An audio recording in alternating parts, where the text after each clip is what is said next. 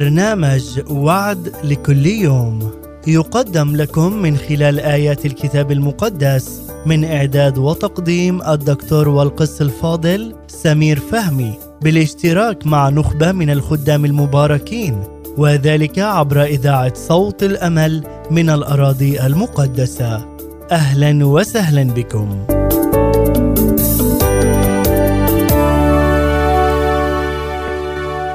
أهلا بيك وبرنامجنا وعد لكل يوم. وعد الرب لينا النهارده من إشعياء 43 العدد الأول. والآن هكذا يقول الرب خالقك يا يعقوب وجابلك يا إسرائيل لا تخف لأني فديتك.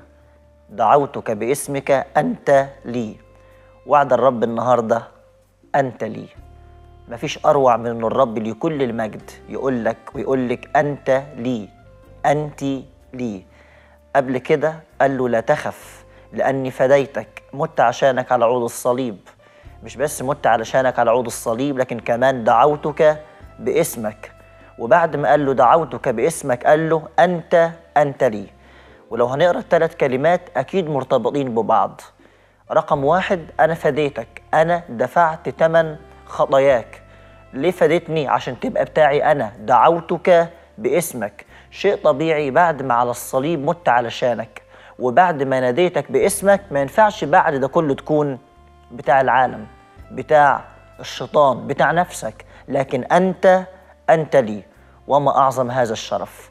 النهارده اللي بيقول لك أنت لي مش واحد في رتبة عالية ولا وظيفة مرموقة. الله بيقول لك أنت لي. عارف أنت ليه بتاع ربنا؟ أنت بتاع ربنا بثلاثة حقوق. الحق الأول أنت بتاع ربنا بحق الخلق. انت بتاع ربنا بحق الفداء.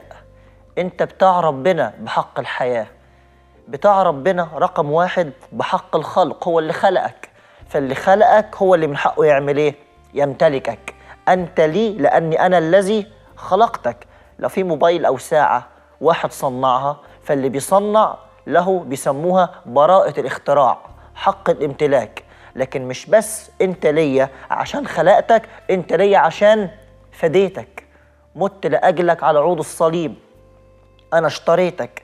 فأنت ملكي بحق الخلق والإبراء وأنت ملكي بحق الفداء والشراء. وما أروع إلهنا.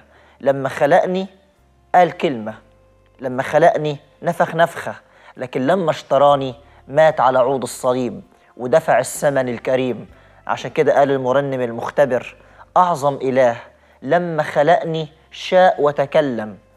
أعجب إله لما فداني جاء وتألم. اذا أنا ملكه بسبب إنه خلقني وأنا ملكه بسبب إنه اشتراني وأنا ملكه بسبب حياتي قال الرسول بولس الذي به نحيا ونتحرك ونوجد. اللي بيتابعنا دلوقتي يعرف الكلام ده. انه لولا ما الرب مديك حياة ما كنتش دلوقتي قاعد قدام التلفزيون ولا كنت قاعد دلوقتي بكلمك. الحياة والنفس اللي عمال يدخل ويخرج ده بتاعه هو. البيت اللي انت قاعد فيه دلوقتي ده بتاعه هو. الفلوس اللي في جيبك دي بتاعته هو. انت كلك ملك ملك للرب. دعوتك باسمك انت انت لي. علشان كده قالت عروس النشيد هذه الكلمات الرائعة. أنا لحبيبي وحبيبي لي. أنا لحبيبي وإلي اشتياقه. زمان كان رئيس الكهنة بيلبس حاجة اسمها الصفيحة عبارة عن عمامة. كان بيكتب على هذه الصفيحة كلمتين من ذهب. إيه الكلمتين اللي مكتوبين؟ قدس للرب يعني ده بتاع الرب ده ملك الرب. ما تخافش على مستقبلك ما تخافيش على حياتك أنت بتاعه هو. قبل ما نكون بتوع الأسرة قبل ما نكون ملك حبايبنا واخواتنا إحنا ملكية خاصة للرب. إحنا بنتبع إله عظيم. هذا الإله العظيم مات لأجلنا على عود الصليب علشان يمتلكنا. عشان كده أقول له مع المرنم سيدي امتلك حياتي كرسنها لك ليفض عمري بحمد مستديم. خذ يدي محركا لها بفعل حبك جملن رجلي بالسير القويم. دعوتك باسمك أنت لي. افتكر دايما إنك أنت مش ملك نفسك. افتكر دايما إنك مش بتاعه روحك. كلنا ملك للرب. افرح لأنك ملكية خاصة للرب والرب معك.